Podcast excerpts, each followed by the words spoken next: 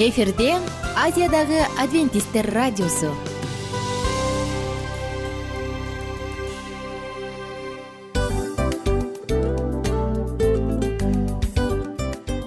Достор салют. Баардык сүйүктүү угармандарыбызга салам айтабыз. Кутман күнүңүздөр менен. Ден соолук өмүрдүн булагы демекчи саламат саамы программасында баарыңыздарды көргөнүбүзгө абдан кубанычтабыз. Анда алгач амандашып өтөлү арбаңыздар деп. Ден соолугуңуздар кандай элибизде көбүнчө ден соолук кандай дегенде эле жакшы деп жооп беребиз э? ооруп турсак дагы жакшы дейбиз. Анан мен муну айтып ойлойт элем бул абдан сонун сөз депчи анткени бул жакшы деген үмүт да э ооба баары жакшы болот. Баары сонун. Деп үмүттөнүп атып эле өзүбүздү өзүбүз дарылап коебуз. Анысы кандай? Сиздин дагы ден соолугуңуз жакшы беш деген үмүттөбүз чындыгында ден соолук бул өмүрдүн булагы деп бекеринен айтылган эмес деп ойлойм. Кыргыз элинде анткени эгерде ден соолук жок болсо анда адамдын жашоосунда калган баардык керектүү маңыздуу нерселер өзүнүн баалуулугун жоготуп коет. Ошондуктан ден соолук бул эң керектүү нерсе. Ооба туура айтасың кесиптешим. Чынында ден соолугуң жок бир эки үч күн ооруп калсаң эле э кандай болуп калат? Жашоодо көз каранды болуп каласың көп нерсеге жетишпей каласың көп нерсени кыла албай каласың жада калса эшикке дүкөнгө да чыга албай каласың. Туптуура анан ден соолук болсо демек биз биздин бактыбыз тоодой деп койсок болот. Анда достор саламат саамы рубрикабызды баштайлы. Алдыда өзүңүзгө керектүү болгон сонун кеңештерди уга аласыздар. Мына ошондуктан биз менен бирге болуңуздар. Ал эми биз болсо милан жана айнура.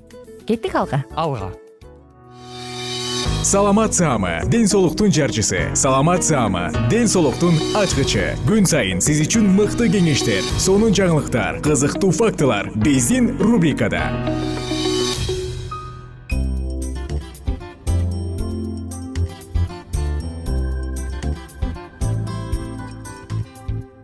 Саламатсыздарбы кадырлуу замандаштар сүйүктүү достор. Жалпыңыздар менен кайрадан амандашып саламат саама рубрикасындабыз. Жана бүгүнкү темабыз боорду май басуу деп аталат. Жана боордо май баскан учурда кандай сок ичиш керек? Мына бул тууралуу алдыда кененирээк сөз кылабыз. Достор алгач эле боордо май басуу дегенде бир аз айта кетсек негизи баягы акылмандар оору ооздон кирет дегенде гипотоздагы майлуу күчтүү тамактарды жегенден семирүүдөн жаралат экен. Андыктан оозго эмне кирип жатканына баам салуу кажет. Гипотоз кылым оорусу же жакшы жашоо оорусу болуп баратат деп башташат адамдар. Анда эмесе баштайлы. Боор бул суу тамак аш менен кирип кан менен барган уулуу жана зыяндуу заттарды чыпкалоо менен зыянсыздандырат өттү иштеп чыгарат кандын уюшуна таасир этет. Белок май көмүртек жана гормондордун алмашуусун көзөмөлдөйт майларды бөлүктөргө бөлүп ажыратып аларды энергияга айландыруу анын милдети адамдар канчалык майлуу жана тез даярдалган тамактарды көп жесе боордо гепатоз оорусунун жаралуу коркунучу бар. Гепатоз бул боорду тагыраак айтканда боордун клеткаларынын май басып кетүүсү. Гепатоциттер деп да коюшат. Эми түрлөрүн айтсак алкоголдук гепатоз бар. Бул ичимдиктерди көп ичкен адамдар оорушат. Жана алкоголдук эмес гепатоз бар. Арак ичпейм бирок гепатоз бар деген болсоңуз анын себептери тез даярдалуучу тамак ашты көп жегендик. Тамакка мал майын көп колдонуу аз кыймылдоо тез арыктап кетүү мүмкүн катуу диета кармап же ооругандан улам.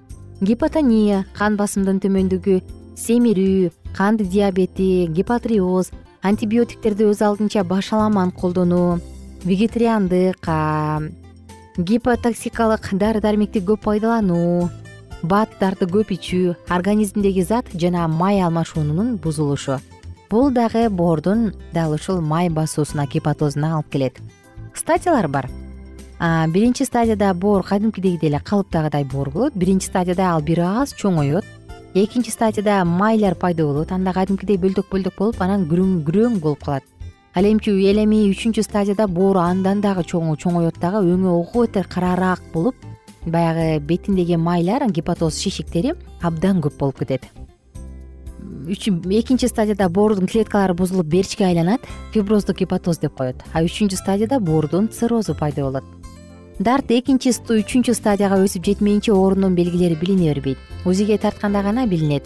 Андыктан учурда дартты циррозго өтүп кетип боорду алмаштырууга элүү сексен миң доллар таппай каза болгондор абдан көп. Ар алты ай сайын узиге түшүү сизди дартты өнүктүрүп жиберүүдөн сактайт оорунун белгилери кандай? Ич көбөйт көңүл айланат тамакка табит жоголот чарчайт шалдырайт. Оңго ауырган алдынын салмактануу оорусу бар. Дисбактериоз кээде ичөтөт кээде катып калат.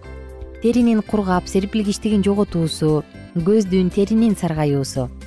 Боор уйку безин жана өт жолдорун узиден текшерүү боорду мртдан өткөрүү анализдерди тапшыруу сизге туура диагнозду койгонго жардам берет көбүнчө офис кызматкерлери күчтүү майлуу жана фаст фуд тамактарды көп жегендер сапатсыз азыктар курамында пальма майы кошулган азыктарды колдонгондор тамакты көп жеп аз кыймылдаган кош бойлуулар дал ушул ооруга чалдыгып калуу коркунучу жогору. Анда эмесе боорду май баскан учурда боорду кайра кантип калыпка келтирсе болот? Ушул жөнүндө сөз кылалы май басуу бул көбүнчө баягы боордун май басуусу азыркы учурда бул оору жаатында кездешкен эң кеңири таркалган оорулардын бири. Мындай учурда боорго май топтолот. Андан кийин анын организмди детоксикациялоо жөндөмдүүлүгү төмөндөйт дагы цирроз оорусуна чалдыгуу коркунучу жогорулайт. Анын эң эле алгачкы эң эле биринчи себеби бул алкоголдук напитоктор суусундуктар жана ошондой эле эгерде алкоголдук ичимдик ичпесе анда семирүү метаболисттик синдром диабет ушундай каныккан майларга бай азыктарды көп жегендик жана кошумча сахарларды көп жегендик. Ошондой эле табигый антиоксиданттардын жетишсиздиги дефицити ошондой эле мөмө жемиш жашылчаларды аз жегендик болуп саналат. Негизи биз айта турган соктун курамындагы баардык азыктар организмде ушундай ашыкча майдан алдын алып боорду калыбына келтирери далилденген ал эми бул сокту гана ичип жөн койбостон аны менен чогуу жакшы туура тамактанып физикалык дене көнүгүүлөрүн жасап туруу биздин согубуздун таасирин жогорулатат. Айта кетели эмне болгон сок? Боорду калыпка келтирүүчү сок кандай болот? Ингредиенттер. Бир порция үчүн ар бир порция эки жүз элүү миллилитрден. Кактус апунцасынан бир даана аны мүмкүн сиз эки даана инжир менен алмаштырып койсоңуз болот же бир гуава менен алмаштырсаңыз болот бир чашка виноград. Колдон келсе карасын алыңыз же көбүрөөк антиоксидантка бай болгонун тандаңыз. Бир грейп фрут ортончо көлөмдө жана эки редиска эми кактусту грейпфрутту тазалап алыңыз. Аны соковыжималкадан өткөрүңүз башка ингредиенттер менен чогуу. Эгер соковыжималка жок болсо анда баарын тең блендерге аралаштырыңыз дагы пайда болгон суусундукту ситодан өткөрүп алыңыз. Кааласаңыз ага бир аз даамдуу таттык кошуп койсоңуз болот стевия кошуп койсоңуз болот болду сок даяр. Таттуу жана даамдуу пайдалуу сок даяр. Боорду тазалоочу соктун кандай касиети бар? Организмди тазалайт өттүн чыгышын жакшыртат холестериндин деңгээлин төмөндөтөт жана тазалоочу касиетке ээ мындай соктун курамын алтымыш эки пайыз с витамини түзөт он тогуз пайызын магний он эки пайызын калий жана б бир б эки витаминдери б алты витамин кальций беш пайызын жана темир төрт пайызын түзөт. Эгерде сизде ушундай оору бар боло турган болсо гепатоз же боордо май басуу бар болгон болсо анда сөзсүз түрдө биз айткан сокту күнүнө бир стакандан ичип туруңуз мындай кылуу менен сиз организмде боорду калыбына келтиресиз анын иштешин жакшыртасыз андан тышкары кошумча энергия аласыз жана цирроз оорусун алдын аласыз. Тилекке каршы чындыгында азыркы күндө элүү миң сексен миң деген акчалары жок адамдар канчалары мындай ооруга чалдыгып өлүп атышат. Ошондуктан өзүңүздүн ден соолугуңузга кам көрүп алдын алыңыз. Көбүрөөк алдын алыңыз. Каймак май жумуртка сыр колбаса көп жебегенге аракет кылыңыз. Алкоголдук ичимдиктерди ичпеңиз майлуу куурулган ышталган туздалган азыктарды жебеңиз. Жана айтор туура сергек жашоо образы менен жашаганга аракет кылыңыз. Оорубаңыздар бар болуңуздар жана бай болуңуздар. Биз сиздер менен кийинки уктуруудан амандашабыз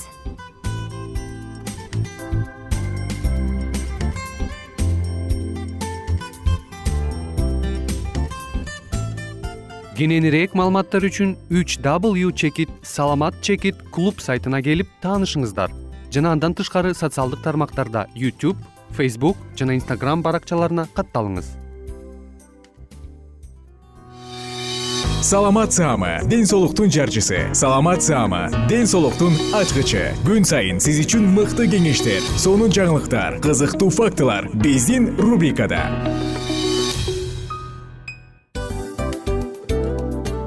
салам достор. Кайрадан биздин сүйүктүү рубрикабызга кош келиңиздер деп айтмакчыбыз. Баардык замандаштарыбызга арбаңыздар деп саламыбызды айтабыз. Улуу ушундай бир э, урматтаган учурашуу менен анан дил маек радио баракчабызга чакырабыз. Негизи дил маек биздин рубрикабызда эмне жөнүндө кеп кылабыз бул дил маектин мааниси эмнеде рубрикабыз менен кичине тааныштырып кетсеңиз. Сөзсүз түрдө тааныштыра кетейин. Кесиптешим суранычы боюнча бул учурда бул радио баракчада биз ар тарап кесип ээлеринен сонун кеңештерди алабыз сүйлөшөбүз сырдашабыз. Аталарыбыздын эжелерибиздин апаларыбыздын кеңештерин угабыз айтор. Жан дүйнөгө адамдын э, сапатына адамдын деги эле адам болуп жашашына керектүү баардык кеңештер алдыда. Негизи э, дил маек дегенде баягы эки адамдын ортосундагы сырдашуу кенен сүйлөшүү. Негизи эле биз адамдар бири бирибиз менен бир жерге жай жерге отуруп алып өзүнчө тынч жашоо жөнүндө өмүрүбүздө эмне болуп атканын бөлүшкөнү жакшы көрөбүз э адамдар. Ооба туура айтасың анан мындай учурга кээде убакыт да жетпей келет э? Же болбосо сырыңды кайгыңды муңуңду кубанычыңды айткың келет а адамга ишенбешиң мүмкүн. Ооба. А бул радио баракча угармандарыбыздын чыныгы досу. Анткени бизден алган кеңеш сиздин жашооңузга чоң жардам берет. Ал эми сиздин бизге айта турган сөзүңүз ортодо гана сыр бойдон калат. Ошондуктан биздин дил маек рубрикабызга дагы бир жолу кош келиңиздер. Жана биз даярдаган маалыматтарга даяр болуңуздар. Айнура жана милан сиздер менен бирге алдыга кеттик ар түрдүү ардактуу кесип ээлеринен алтын сөздөр жүрөк ачышкан сыр чачышкан сонун маек. Дил маек рубрикасында.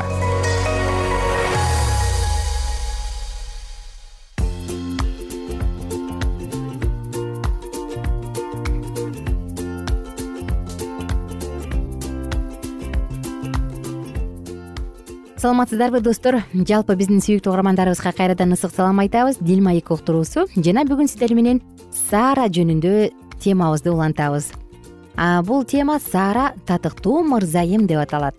Аял жубай жана эне деп аталган цикл бул циклда биз тарыхта болуп өткөн апаларыбыздын аялдар тууралуу сөз кылып алардын окуясын алардын автобиографиясын окуп жатабыз.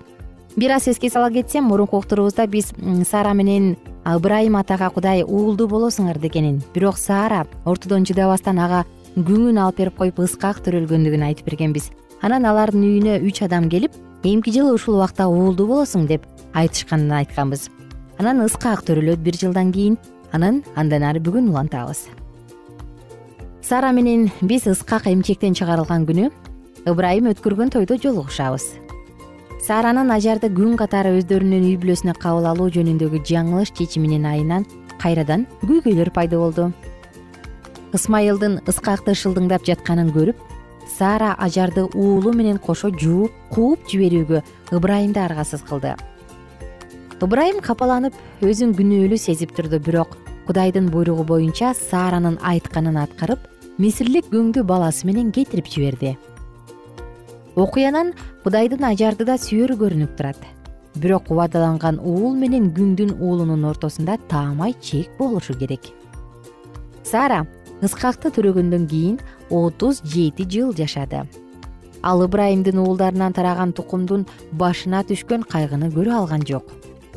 Ысмайылдын урпактары болгон арабтар ыскактын урпактары болгон еврейлер менен үзгүлтүксүз касташып келет. Борбордук чыгышта көптөгөн кылымдар бою уланып келе жаткан көйгөйлөр али да болсо чечиле элек. Мен махпел үңкүрүнүн үстүндөгү мечитте сааранын мүрзөсүнүн жанында турам. Үңкүрдө анын кооз мүрзөсү бар. Жакшылап көрүш үчүн тосмого жакын келем. Бирок канчалык үңүлсөм да эч нерсе көрө албайм.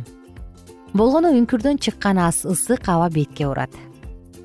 Баардык жерде абалдын курчугандыгы байкалат. Анткени арабтар менен еврейлер алигиче өз ара касташып келишет. Мусулмандар бизге карап чыгуу үчүн таптакыр убакыт беришпейт. Ысмайылдын рухий урпактары болгон мусулмандар менен ыскактын рухий урпактары болгон бизди машаякчыларды бөлүп турган туңгуюк түпсүз. Хеброн араб элинин машаякчыларга каршы багытталган шаары. Албетте сааранын чыдамсыздыгынын натыйжалары өзүн айтып бүткүс кайгыга салып анын жаркын элесине көө жапты. Еврейлерге жазылган катта зор урмат көрсөтүү менен эскерилген адамдарды ишеним баатырларын эстейм. Алардын ичинен алгачкылары болуп саара эсептелет. Жаңы келишимде биз анын жыгылгандыгын эмес улуу ишенимге ээ болгондугун окуйбуз. Анын ыскак төрөлгөндө айкын көрүнгөн ишеними узак убакыттын аралыгында өсүүгө тийиш болгон. Саара көп нерсени курман кылууга тийиш эле. Сүйгөн неберелеринин көбүн калтырып кыйынчылыктарга көңүл чөгүүлөргө наалыбай чыдаган өзгөрүлмөлүү турмуштук шарттарда баардык учурда күйөөсүнүн айтканына көнгөн ыбрайымга болгон берилгендиги анын да кудайга ишенимдүү бойдон калуусуна өбөлгө түзгөн. Илимде адамды оорукчан кылып кое турган терс эмоциялар бар экени.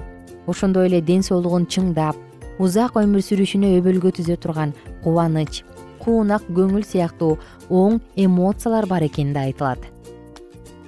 Сааранын сулуулугунун жана кайраттуулугунун сыры дал ушунда болуп жүрбөсүн. Мен элчи петрдин катында анын ички сулуулугу даңазалагандыгын эстейм. Ал мени жана дүйнөдөгү баардык аялдарды саарадан аялдар арасындагы мырзайымдан үлгү алууга чакырат. Ардактуу достор бүгүн сиздер менен биз мына саара апабыз жөнүндө саара эне тууралуу окуябызды жыйынтыктадык. Анын жашоосу дагы сөзсүз түрдө кимдир бирөөнө жакшы жагынан таасирин берет деген ишенимдемин мен алган сабак болгону гана болгону гана дебейинчи мен алган сабактардын бири бул шектенүү эң эле жаман нерсе экендигин шектенүү бизди туура эмес кадамдарга түртөөрү болду. Ошондуктан айтылган убадалардын бирине дагы шектенбейли бизге канчадеген убадалар берилген алардын баардыгы сөзсүз орундалат. Кийинкиде достор биз сиздер менен ребека жөнүндө сөз кылабыз. Ребеканы дагы уксаңыз керек. Мүмкүн сиз ыйык жазуудан окугандырсыз эски осуяттан окугандырсыз ребека кимдин энеси болду. Кандай айым эле? Мына ушул тууралуу дагы кенен сөз кылабыз. Ыскактын төрөлүүсү эгерде сара чыдап күтө турган болсо анда тап эң эле чоң бата бойдон калмак. Бирок сааранын чыдамсыздыгынан улам ажардан төрөлгөн уул ысмайыл караңыздарчы азыркы күнгө чейин ушундай бир чоң кастыкты пайда кылып келет э? Карап отуруп эми эмнеси бар экен? Кылымдар өтпөдүбү айланайын эми урушуңар качан бүтөт токтобойсуңарбы дегим келет да. Бирок бул руханий дүйнөдөгү чоң бир из калтырган нерсе болгондуктан бул күрөш алеки күнгө чейин кала берет. Ошондуктан биз сөзсүз түрдө сепкен нерсебизди уробуз кээде эң негизгиси мен көрбөсөм болду. Менин жашоом жакшы болсо болду да деп ойлошубуз мүмкүн. Бирок бала чакалуу болгондон кийин өзүңдү унутасың дагы балдарыңды ойлойсуң э. Балам жакшы жашасын балам жесин балам ичсин деп. Эгерде ошо балаң сенин күнөөңдүн азабын тартып турса ошонун кесепетин көрүп турса анда бул канчалык деңгээлде эне үчүн оор. Кудай убада берген чыдап күтүү сааранын иши эле бирок ыбрайым атаны карай турган болсок ал баардыгына макул болду. Кызыктын баары дагы алдыда эгерде андан ары эмне болгон ыбрайым ата дагы убадаланган жерге жеттиби жетпей калдыбы ыскактын келечеги кандай болду? Бул тууралуу билгиңиз келсе албетте ыйык жазуудан башталыш китебин окуңуз. Ал жакта абдан сонун кенен айтылган анан бул окуяны аягына чейин окуп өзүңүз үчүн сабак ала аласыз. Дагы бир жолу кайталайын библия же ыйык китеп башталыш китебин окуп чыгыңыз. Ал жактан сиз сааранын кийинки тагдырын ыбрайымдын тагдырын ыскактын ысмайылдын тагдырын мына булардын баардыгы тууралуу кенен кенен маалымат ала аласыз саатыбыздын соңку мүнөттөрүндөбүз бул саатты жыйынтыктайлы кийинки уктуруубузда кайрадан амандашканча бар болуңуздар. Сиздин ишеним тирүү ишеним болсун. Сизди эч нерсе шектендирбесин деген гана тилегим бар. Жалпы угармандарыбыз менен убактылуу гана коштошом. Кийинки уктуруубузда ребека тууралуу сөз кылабыз. Ага чейин достор кайрадан амандашканча сак саламатта туруңуздар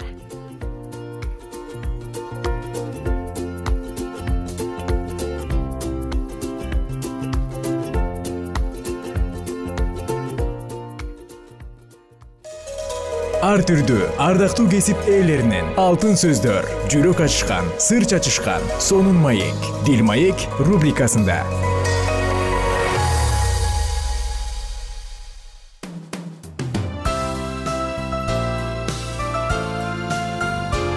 Эфирде азиядагы адвентисттер радиосу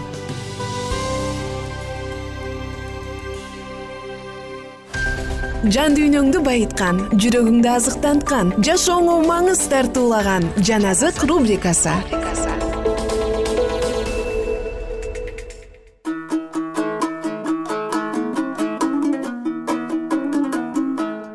Кутман кушубак күнүңүздөр менен кадырлуу замандаштар жалпыңыздар менен жан азык уктуруусундабыз. Жана бүгүн жан азык уктуруусунда сиздер менен бирге инжил китебинде жазылган элчилердин иштери деп аталган китепти андан ары улантууну уланталы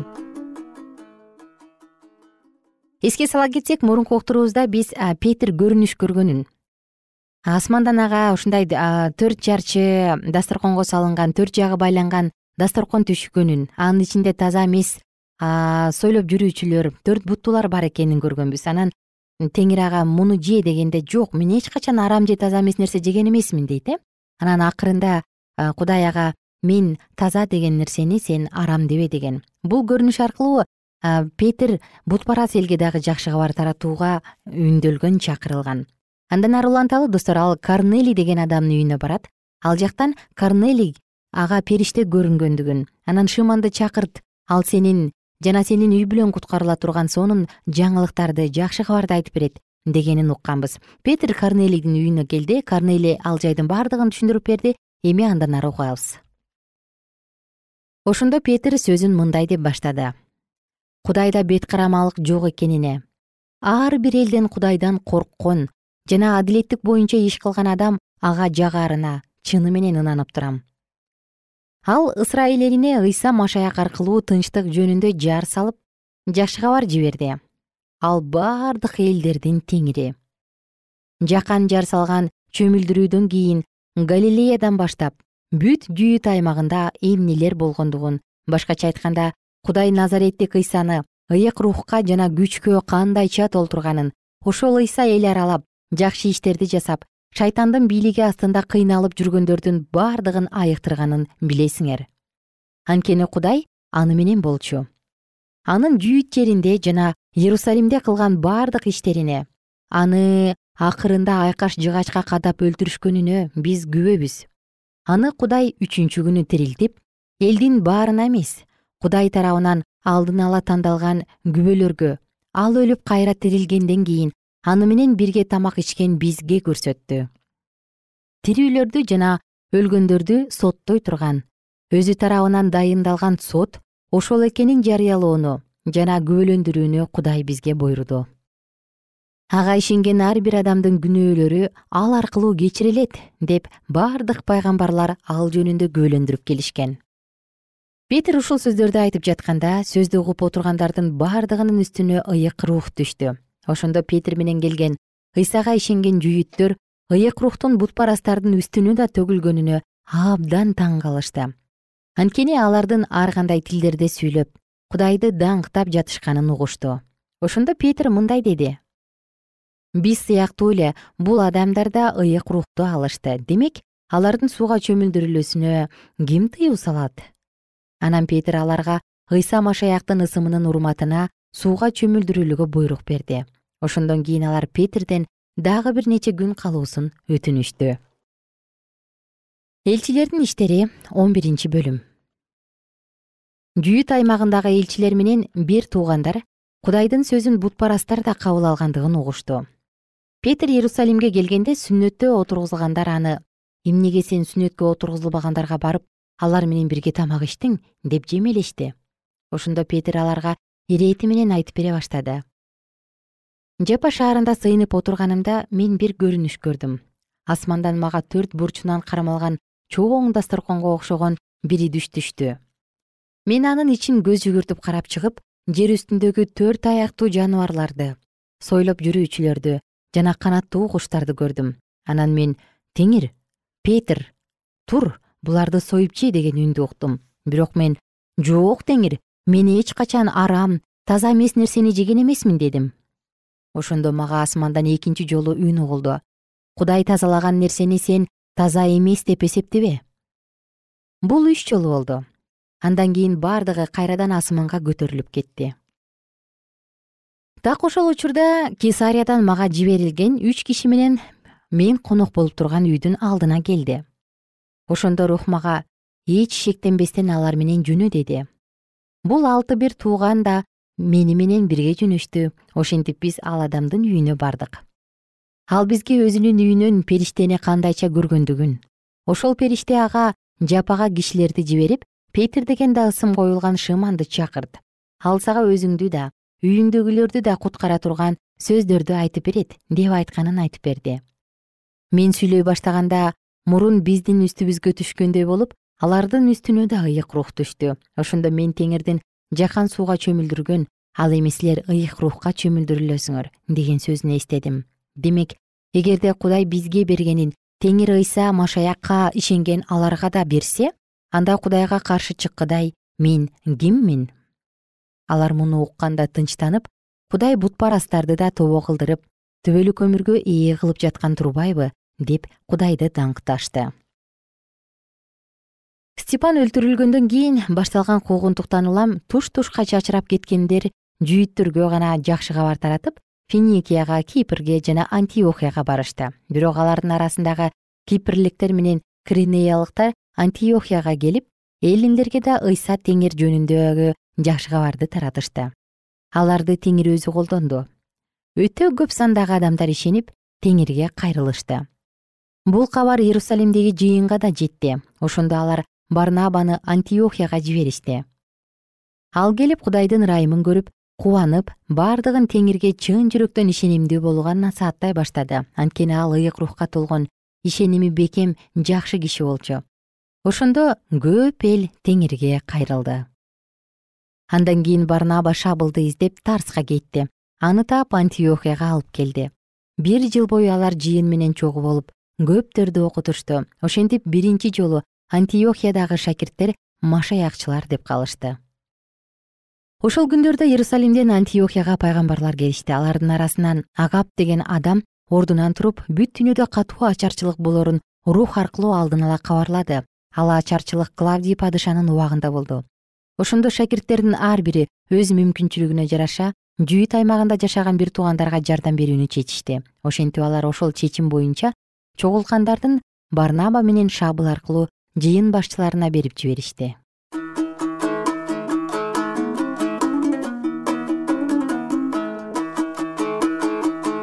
Достор кийинки уктурууда саатыбызды улантабыз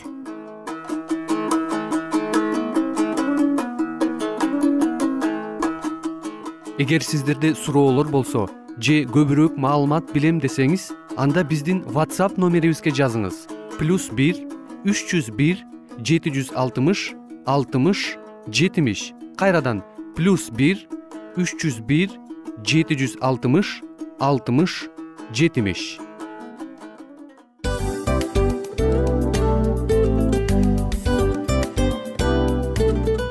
Ушул менен достор программабыздын уктуруубуздун эң кайгылуу мөөнөтүнө келип жеттик. Кайгылуу дегенде ыйлагым келип кетти кесиптеш. Кадимкидей анткени баягы учурашасың анан коштошуу учур келгенде ии кантип ии эми эми бат баттан келиптир э сагындырбай деп атып араң коштошобуз го. Анысы кандай угармандарыбыз менен коштошчу учур келди. Кийинки уктурууларды сагыныч менен жүрөгүбүздө кусалык менен күтөбүз жалпыңыздарды анан жарым сааттык уктуруу көз ачышым канча өтүп кетти сөзсүз. Бирок бизде жакшы кабар бар. Кийинки уктурууларыбызда сөзсүз дагы кезигишебиз. Анткени биз көптөгөн сюрприздерди кызыктуу маалыматтарды жана керектүү керектүү нерселердин көбүнчөсүн даярдадык анда угармандарыбыздын баардыгына ийгиликтүү күн каалайбыз эгерде бүгүнкү күнүңүз өзгөчө э, өтүшүн кааласаңыз анда позитивдүү ой жүгүртүп жылмайып жакындарыңызга жакшы маанай тартуулап жүрө бериңиз. Анткени сөзсүз түрдө мунун арты кайтат э? Сөзсүз. Баягы ден соолугуңа оңолот ал бул деп көп нерсени санап келебиз. Эң негизгиси бул сиздин жашооңузду жаркын кыла түшөт экен жараткан кудай ар бирөөңүздөргө батасын берсин жашооңуз ийгиликтүү болсун сак саламатта калыңыздар деп мен милан жана кесиптешим айнура. Баардыгыңыздар менен кийинки уктурууда үн алышканча баарыңыздарга ийгилик каалайбыз